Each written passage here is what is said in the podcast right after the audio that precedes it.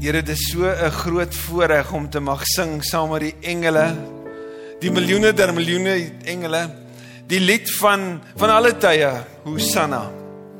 Hosanna. Hosanna vir die seun van Dawid. Aan U die eer en die lof want U is die koning van glorie en U is op pad om die bruid te kom haal. U is die redder. U is die een wat ons kom kom uithaal uit die modder van hierdie lewe en hy tel ons op en hy druk ons vas. Sodat nie ons nie weg te hardloop nie, maar vanaand juis na u toe te kan hardloop om regtig u oop arms te kan sien en te kan weet Here dat u ons nie herinner aan ons verlede deeltyd nie. Maar dat u ons herinner aan wie u is. So baie dankie dat ons vanaand ook hierdie bitter belangrike tema ook mee kan deel. Dankie Here dat ons dit vanuit u woord met mekaar kan deel. Dankie dat u woord, Here, ook in 'n bepaalde konteks gesê het wat die hart is, maar ook vandag vir ons weer opnuut kom sê wat die hart vir ons is. Wie is? Meer nog wie sin ons is. So wees asseblief aan die woord, o Gees van die lewende Here. Kom praat met ons. Ons bid dit met verwagting in Jesus se naam. Amen. Amen. As iemand jou sou vasdruk in die hoek, of jy sê, "Wie is jy?" Wat sê jy antwoord? Verlede week het het Sissel vir ons afgeskop met 'n baie belangrike inleiding. Naamlik Jesus vra in Lukas 9 vir sy disippels: "So wie sê die mense is ek?" En dan draai hy en dan sê hy vir hulle: "Oké, okay, maar wie sê julle is ek?" En wanneer Petrus dan praat, dan kom hy uit 'n plek van totale oortuiging en sy belydenis is uiteindelik ook die belydenis waarop die kerk vandag staan, naamlik Jesus is die Christus, hy's die gesalfde, hy's die een wat deur God gestuur is, hy's die vervulling van die beloftes. Daarom is hy ook die verlosser. En op daai belydenis dat Jesus die Christus is, begin Jesus se roete van die verste punt Caesarea Philippi af na Jerusalem toe, na die kruis, na Golgotha toe. Verder het het sy al verlede week vir ons gesê, vanuit die Nuwe Testament is dit baie duidelik. As jy vir jouself se vra wie is ek, dan is dit nie 'n individuele vraag nie. Want kyk, as jy vandag vir iemand sou vra wie is jy, dan sê hulle gewoonlik vir jou wat hulle doen, nê. Nee. Ek bedoel, okay, behalwe vir die ouens wat vir jou gaan sê hulle kom van Grey College af, dis dis 'n ander saak of van Affies af, dis 'n ander saak. Nê? Nee? Maar maar die meeste mense sou sê, waarmee as jy vir hulle vra, okay, so wie is jy, dan sit gewoonlik Ehm um, my naam is Colin en ek ek's 'n ingenieur. Of ek's 'n onderwyser. Of ek's dit of ek's dat. So jy sê vir hulle eintlik waarmee jy besig is. Jy sê nie regtig vir hulle wie jy is nie. En verlede week is dit sal ons herinner wie ons is, is God se skepingswerk en ons moet so met mekaar werk. Vandag wil ek vir ons neem na 'n volgende vraag toe oor hierdie vraag oor identiteit. En identiteit is bitter bitter belangrik want ek bedoel dit bepaal hoe jy na jouself ook in die spieël kyk nê dit bepaal hoe jy dit aanpak waarmee jy besig is. Ek bedoel jou identiteit is uiteindelik wat jy van jouself dink en jou selfwaarde het. En daarom is 'n belangrike vraag wat ek amper vra naas wie is ek? Is die vraag wie sin is ek? En ek bedoel hierdie vraag sou ek vir jou so wil vra En jy is welkom om 'n bietjie na mekaar toe te draai. Ek gaan vir jou so 10 sekondes gee om hierdie vraag te antwoord. Som die Bybel asseblief my op in een woord. So draai na mekaar toe. Jy het net een woord en go.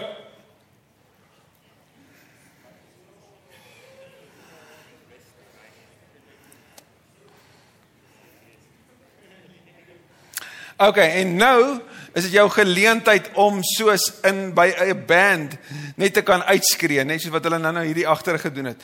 Jy's nou baie welkom. Jy kan dit randomly doen. So, enige iemand wat wil sê. Liefde? Beautiful. Jy moet, nê? Nee, ek wil 1 Johannes 4 vers 8 sê God is liefde. So, hy's 'n baie baie mooi. Baie goeie woord. Nog. Genade. Kan ons vrede bysit? Okay, ja. Goedheid goedheid en guns. Jy het gepraat van restoration. Ek het sommer hierso op ingespring. Toe Stefan Jouberg vir Jan van der Walt hierdie vraag vra. Toe sê Jan, as jy die Bybel in een woord sou opsom, is dit verhoudings. Verhoudings. As jy mooi dink, die inleidende woorde van die Bybel klink so. En God het gesê, kom ons maak die mens as ons verteenwoordiger. So die mens is geskep vanuit verhouding. God wat verhouding het, Vader, Seun en Heilige Gees. Is die mens geskep en die doel van die mens se skepping is om in verhouding te leef. Ek wil die interessant is die mens kry 'n maatjie, nê? Nee? Ek wil en dit sy word genoem sy helper. En ek het baie lank geworstel met hierdie vraag, hoekom het Adam 'n helper nodig gehad? Ek bedoel hy het sy eie kalgattas en ervaring gehad daar in die, in die in die in die tuin. Hy was kaal. Dit weet ons. En miskien sou hy ook soos Castaway gesê het, I've made fire. Nee, dit kon gebeur het. Maar imagine, nou swing hy deur deur die tuin van Eden. Sekoe. Duckback platypus. Kat, ek weet nie kom as jy hier nie. Um en nee, en, en hy noem alles. En dan gee die Here vir hom iemand wat gans anders is. Ek bedoel die girl het emosies. Baie. En sy praat, sy het woorde, verskriklik baie. En ons weet hy's van stof gemaak en ons weet sy's van been gemaak, so sy's gans anders. Nou moet hy hierdie mens lief hê. Al wat ons weet is sy was verskriklik mooi want hy het gesê, "Wow, man," en toe noem hulle haar woman. Maar hoekom kry hy iemand wat gans anders is? Ek ry eendag na 'n troue toe in Parys en ek worstel met hierdie vraag en dis een van die oom daai oomblikke wat jy het van daai aha oomblikke. En my aha was as volg. Hy het iemand gekry wat gans anders is sodat hulle in hulle gans anders wees van mekaar kon ontdek wat liefde is. Want liefde is om die gans ander lief te hê soos God na ons toe, so ons na mekaar. En in die verstaan van wat liefde is, kon hulle begin verstaan wie God is. Want dis die Here van verhoudings. En as hy die God van verhoudings is, julle, dan kan jy mos nou mooi verstaan dat die vraag wie sin is ek so belangrik is.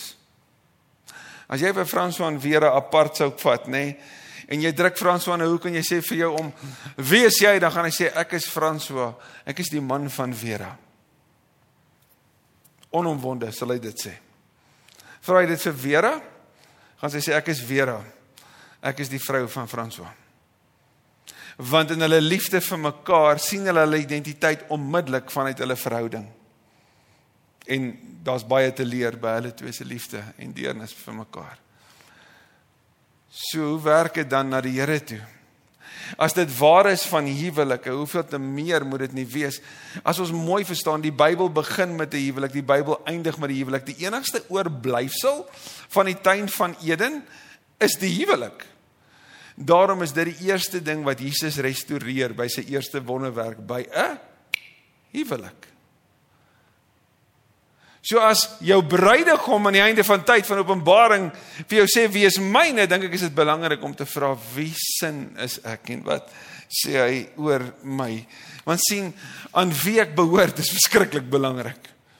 So ek wil graag vir jou met 'n paar paar gedagtes los. Eerste belangrike, wat noem die Bybel my en jou? As God oor ons praat, wie sê hy is ek?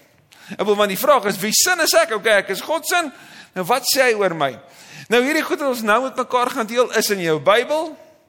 En jy's baie welkom as ons klaar is met hierdie. Anders sal ons net lank genoeg hou as jy wou screenshot neem want ek weet ons doen dit mos maar soms. Maar die belangrike is dat jy nie hierdie net sal hoor nie. Ek wil jou vanaand uitdag. Ek wil vir jou vra, wil jy dit nie vanaand vat nie? Wil jy dit nie asseblief glo nie? Want een van die goed wat ons mee battle is wanneer iemand vir jou sê ek is lief vir jou, dan sê jy gewoonlik van ja, wat wil jy hê? Ek weet, ek het drie kinders. As een van hulle so 'n bietjie kom, "Daddy," dan sê ek van, "Ja, wat wil jy?" In plaas van net om hierdie te vat, ek het al wonderlike oomblikke gemis. Goed, so, wat noem die Bybel vir jou man? Kyk asseblief mooi hierna. Hier's net 'n paar. Jy gaan 'n klomp kom bysit. Maar eerste belangrike, die Bybel sê jy is God se geliefde. Die Bybel noem jou beloved.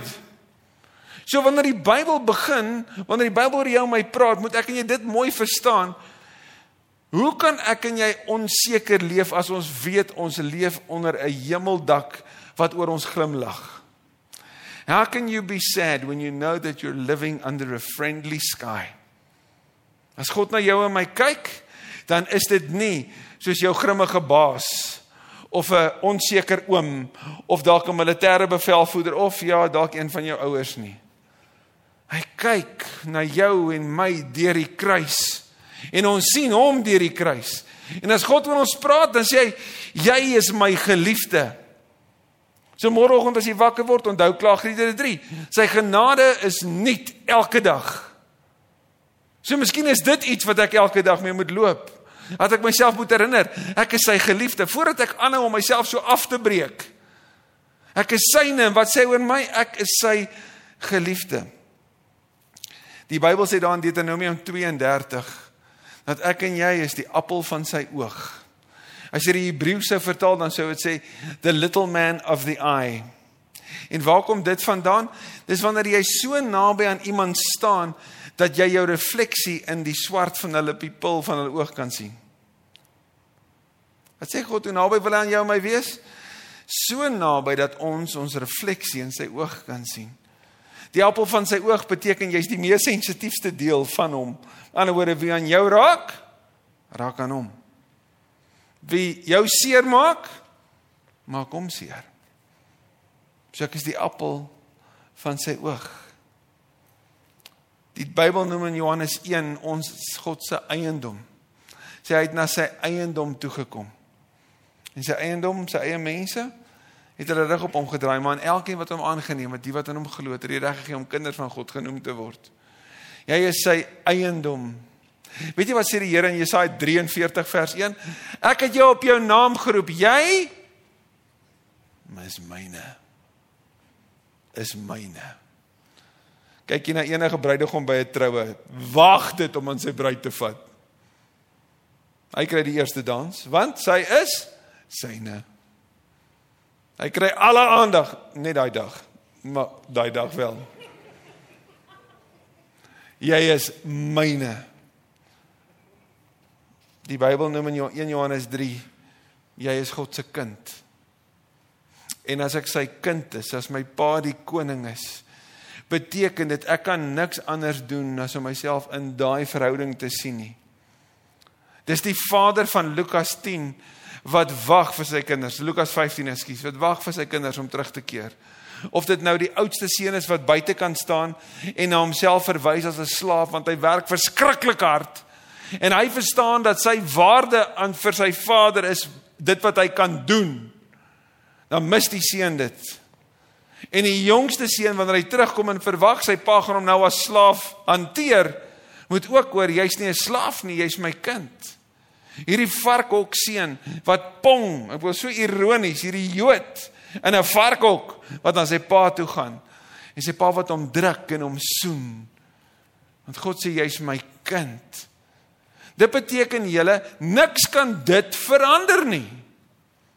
Ek bedoel dis die mooiste beeld, nê? Nee? Jy word nooit nooit uit die familie uitgegooi tensy jy jou rug op hulle draai en uitstap nie want my Vader se bloed loop in my are en niks kan dit verbreek nie. Niks kan dit minder maak nie. Ek is syne en hy noem my sy kind. Wat sê die Vader oor sy eie seun? Hierdie is my enigste seun, oor hom verheug ek my en die seun gee sy lewe sodat ek en jy kinders van God genoem word. En wat sê God oor ons? Wat sê jy? Hy ek is bly oor jou. Ons gaan dit nou ook sien. En laastens en ek dink een van die mooiste beelde. Die Bybel gebruik in die Grieks die woord hagioi. Net om jou so 'n bietjie te kyk of jy by my is. Sê gou-gou die woord hagioi. Hagioi beteken heilige. Dit beteken eenkant gesit. Dis wat gebeur wanneer 'n bruidegom 'n bruid vra om te trou en sy sê sy's in, dan word sy eenkant gesit en sy kan nie 'n wedding coordinator reël om haar troue te reël nie. Sy en mamma moet dit nou maar self doen. En al die doilies en al die lappies en al die goed wat op die troue moet wees moet hulle self maak. Dit vat gewoonlik 'n jaar. En sy is hagioi, eenkant gesit. En sy berei haarself voor tot die dag wat sy by haar bruidegom aanhak. Nou wat noem God sy kinders? 'n Mooi beskrywing daarvan. Julle is my bruid my bruid. Openbaring 19 sê aan die einde van tyd is daar 'n troue en die bruidegom wag vir sy bruid. En die bruid is besig om haarself gereed te maak daarvoor. En hoe doen sy dit? Deur die goeie werke. Kan jy dink dat wanneer ek en jy die hemel instap, is een van die eerste tonele wat ons sien is die grootste party van alle tye. Die troue van die bruid en die bruidegom. Waar hulle vir altyd, vir altyd saam met hom in daai eksklusiewe intieme verhouding leef. En Hosea 2 noem God hom ons of noem hy hom ons man. Hy sê dan sal hulle my aanspreek as my man. So dis woorde waarmee God ons beskryf. Sy geliefde, oh, ekskuus, appel van sy oog. Ons is sy kinders, sy eiendom, sy bruid. As dit is wat God sê oor ons wat hy ons noem, sou my vraag wees ek, maar hoe voel God oor ons? Nie waar nie? As God 'n God is van liefde en verhouding, dan is hy ook 'n God van emosie. En as die Here na ons kyk, wat sien hy? Hoe voel hy oor ons? En ek hoop jy neem hierdie wat ons sê nou ook baie ernstig op. Want as ons vra wie sin is ons, is dit belangrik wat sê God oor ons, nê? Nee, hoe voel hy oor ons? Eerste belangrike. Ek en jy moet dit weet. God is nie blind vir ons sonde nie. Ek wil jy jy moet dit weet. Hy is nie blind vir ons sonde nie. Inteendeel, hy's baie ernstig oor ons sonde. Miskien praat ons baie min oor ons sonde. Miskien is ons geneig om 'n bietjie die liefdesding te oordruk. Maar God is 'n God van genade en waarheid. Hy's nie blind vir ons sonde nie. Sien by die Samaritaanse vrou in Johannes 4 maak hy nie die feit dat sy in 'n saambly verhouding is na 5 gebroke huwelike maak hy nie die issue nie. Hy maak die ontmoeting met hom die punt. In Johannes 8, die vrou wat met oorspel betrap is. Hy sê nie vir, "Hey, woman, wat het jy gedoen?" Jy was maar baie lastig geweest. Kyk wat se moeilikheid maak jy nou vir my. Hierdie ouens plaas my nou reg in die middel. Nou moet ek besluit, Moses se wet of dit. Wat moet ek nou doen? Ek bedoel, dit was nou moeilik hierdie. Dankie hoor. Kon jy nie gedink hy doen nie dit nie, nê? Nee.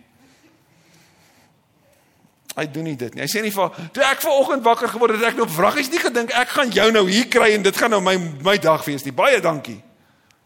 Nee. Hy skryf op die grond. En hy sê vir as die een wat nie sonde het nie, hier is kan hy maar die eerste klip gooi. En dan loop hulle almal weg. Nie interessant is daardeur sê hulle vir almal hulle is sondig. Iets wat 'n Jood nooit sou doen nie. Maar daar doen hulle dit in die openbaar vir almal, voor almal. En sê niemand die oordeel oor jou voltrek nie. Niemand nie, Here. Ek doen dit ook nie. Want in Johannes 3 vers 17 sê God het sy seun na die wêreld toe gestuur nie om die wêreld te veroordeel nie, maar om die wêreld te red. So God is nie blind vir ons sonde nie. Trouwens, Psalm 139 sê daar's nog nie 'n woord op my tong nie, Here, of U weet wat dit gaan wees. U ken my gedagtes nog voordat hulle by my opkom. Julle, dis 'n skerry ding. So ek verras hom nie met my sonde nie. Ek vang hom nie onkant nie. En hy's nie blind daarvoor nie. Psalm 103 sê hy weet waarvan ons gemaak is. Hy hou dit in gedagte dat ons maar net stof is. Maar hy's so ernstig oor ons sonde dat hy in ons plek aan die kruis kom sterf het om die prys daarvoor te vat en te dra om die vrede te herstel.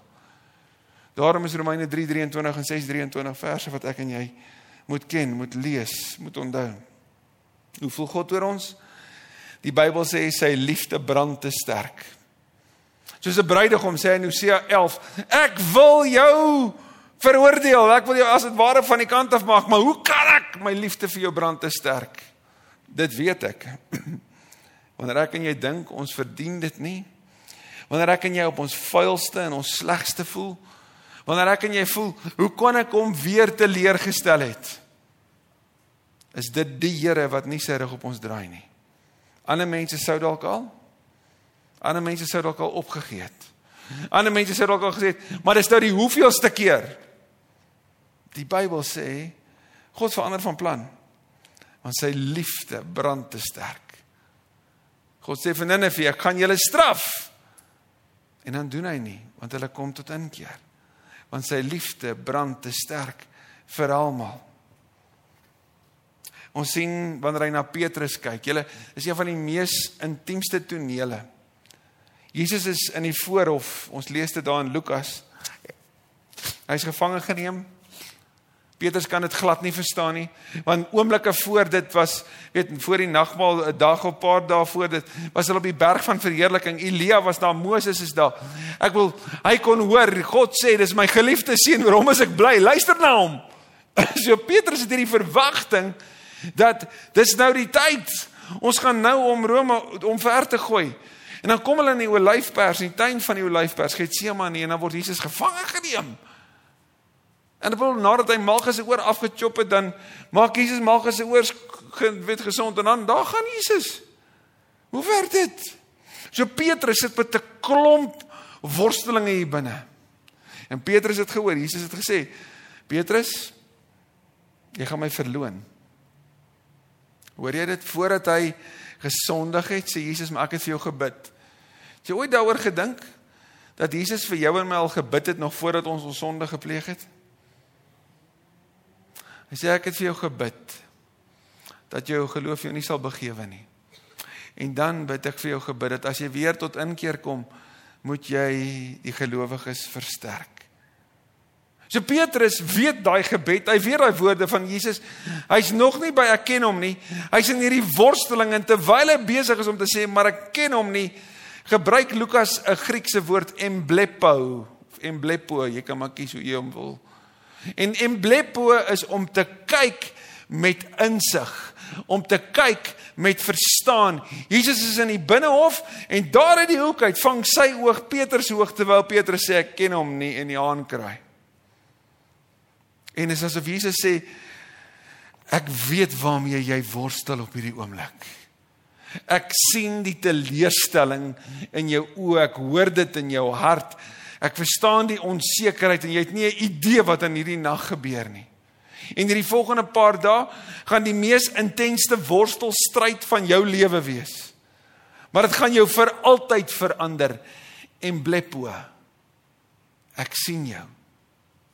Ek sien jou regtig. Dis nie net om te kyk met jou oë nie, maar om te kyk met insig en verstaan. Hoe voel God met oor ons? Hy verstaan. Hy verstaan regtig. Ons sien hoe God oor ons voel dat ons in Romeine 8 die rustigheid kan hê. Dat wanneer ek deur tye gaan wat ek nie weet hoe om te bid nie, staan daar dat hy vir my intree. Wat 'n troos is dit nie dat die Gees vir ons bid met versigtings wat mense nie kan uitspreek nie. Die Gees bid volgens die wil van God. En as jy Romeine 8 volg, dan gaan jy later sien dat Jesus vir ons bid. Hoor jy dit? Hierdie God van verhoudings is besig om met homself oor jou en my te praat. Om vir ons in te tree. Hoe kosbaar en spesiaal moet ons nie vir hom wees nie. Hoe geliefd moet ons nie wees nie. Hoe vol vrede moet ons nie wees nie dat wanneer ons deur tye gaan wat ons nie weet hoe om te bid nie, daai woordlose tye. Wanneer jy deur die diepste skok en teleurstelling, misbruik of verlies, wanneer jy by 'n graf moet staan en regtig nie weet wat om nou te sê nie, om te sê Here, ek het niks. Maar dankie dat U vir my intree. Dankie dat U vir my woorde gee nou. Dankie dat U woord soos die psalms vir my woorde gee wanneer ek niks het nie.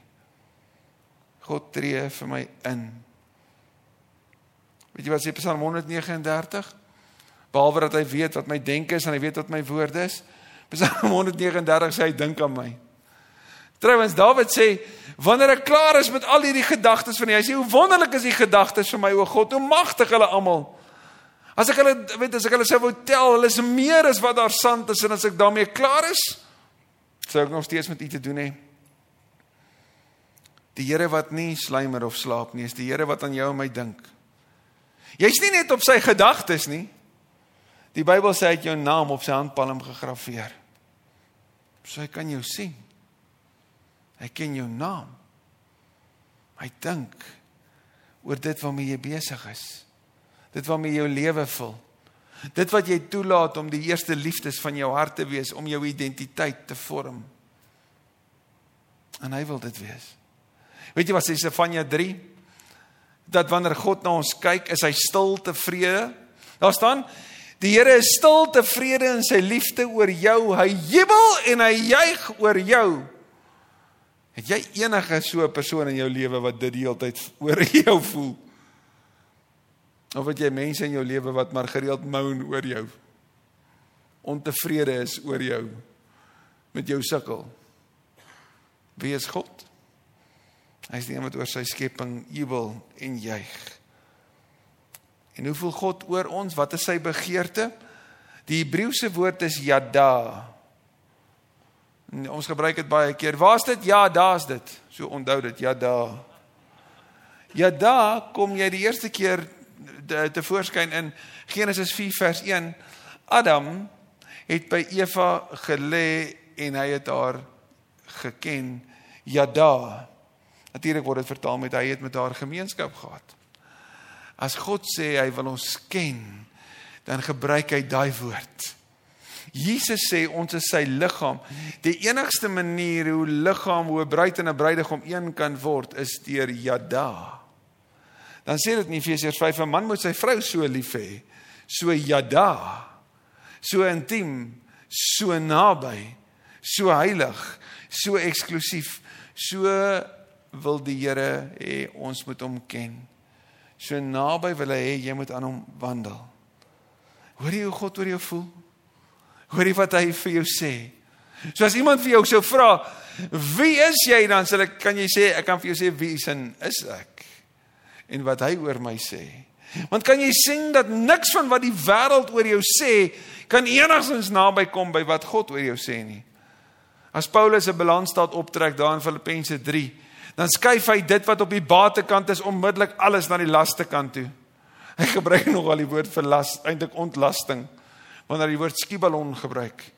Hy sê wat eers vir my 'n bate was, is nou so verwerplik soos bolle op die gras.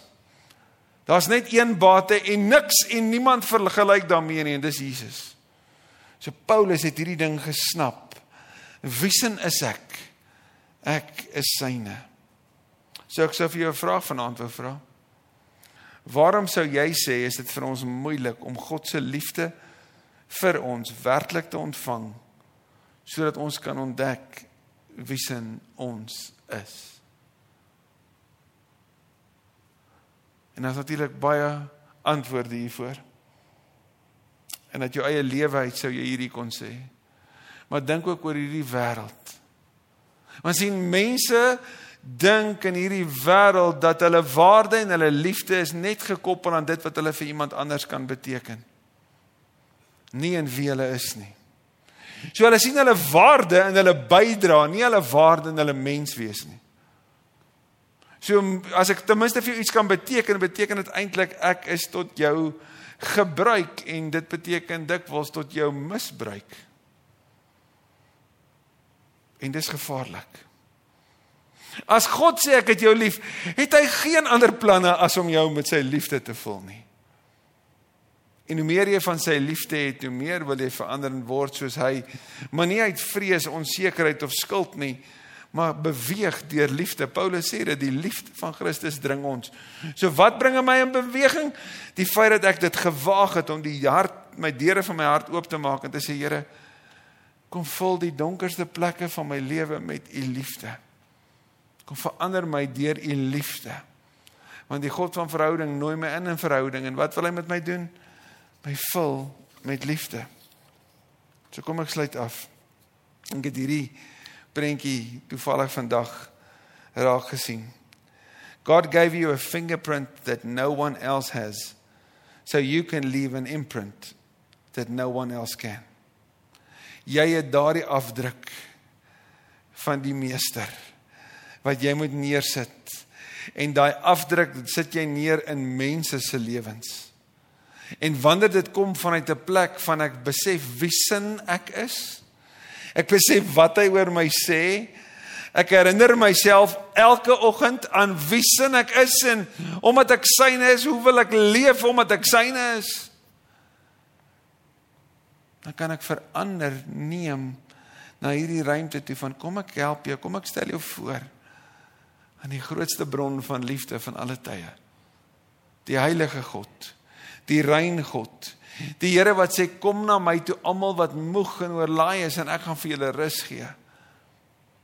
Die Here wat selfs aan die einde van Openbaring weer eindig met 'n uitnodiging.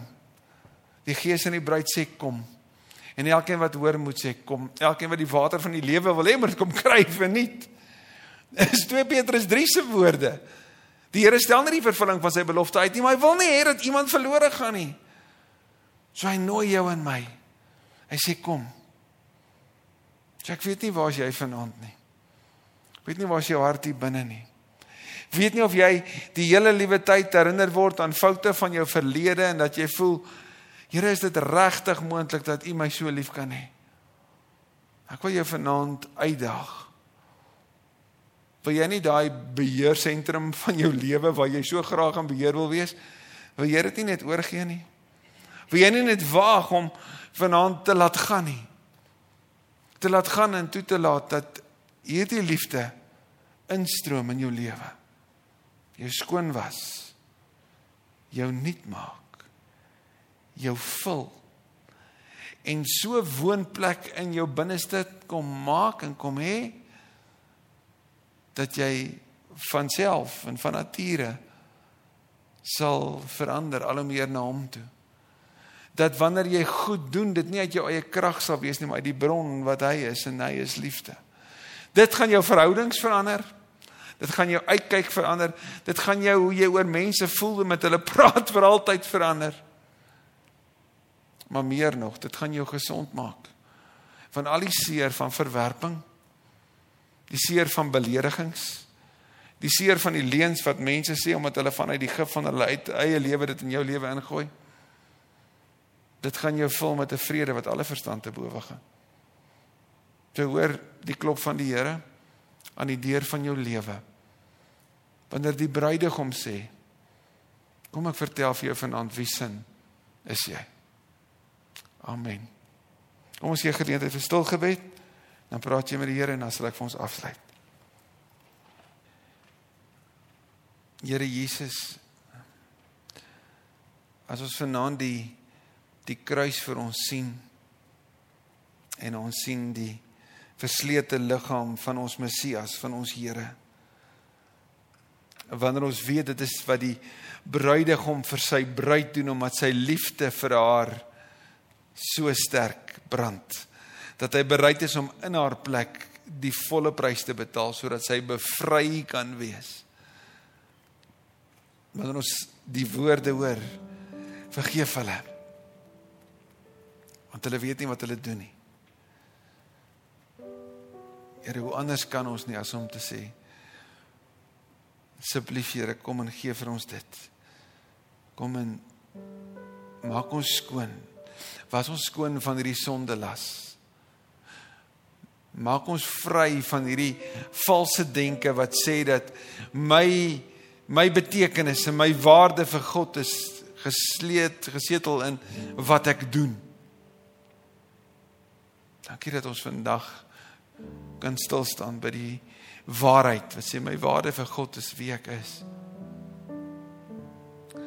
Dankie dat ons vanaand die voorreg mag hê om wagmoedig te sê asseblief kom in Here. Kom in heers. Heers in my gedagtes, heers in my emosies. Heers in my lewe. So jammer vir die kere wat ek dit self probeer het. So jammer vir die kere wat ek gedink het ek sou kyk. So jammer vir die kere wat ek ander toegelaat het om te bepaal wie ek is.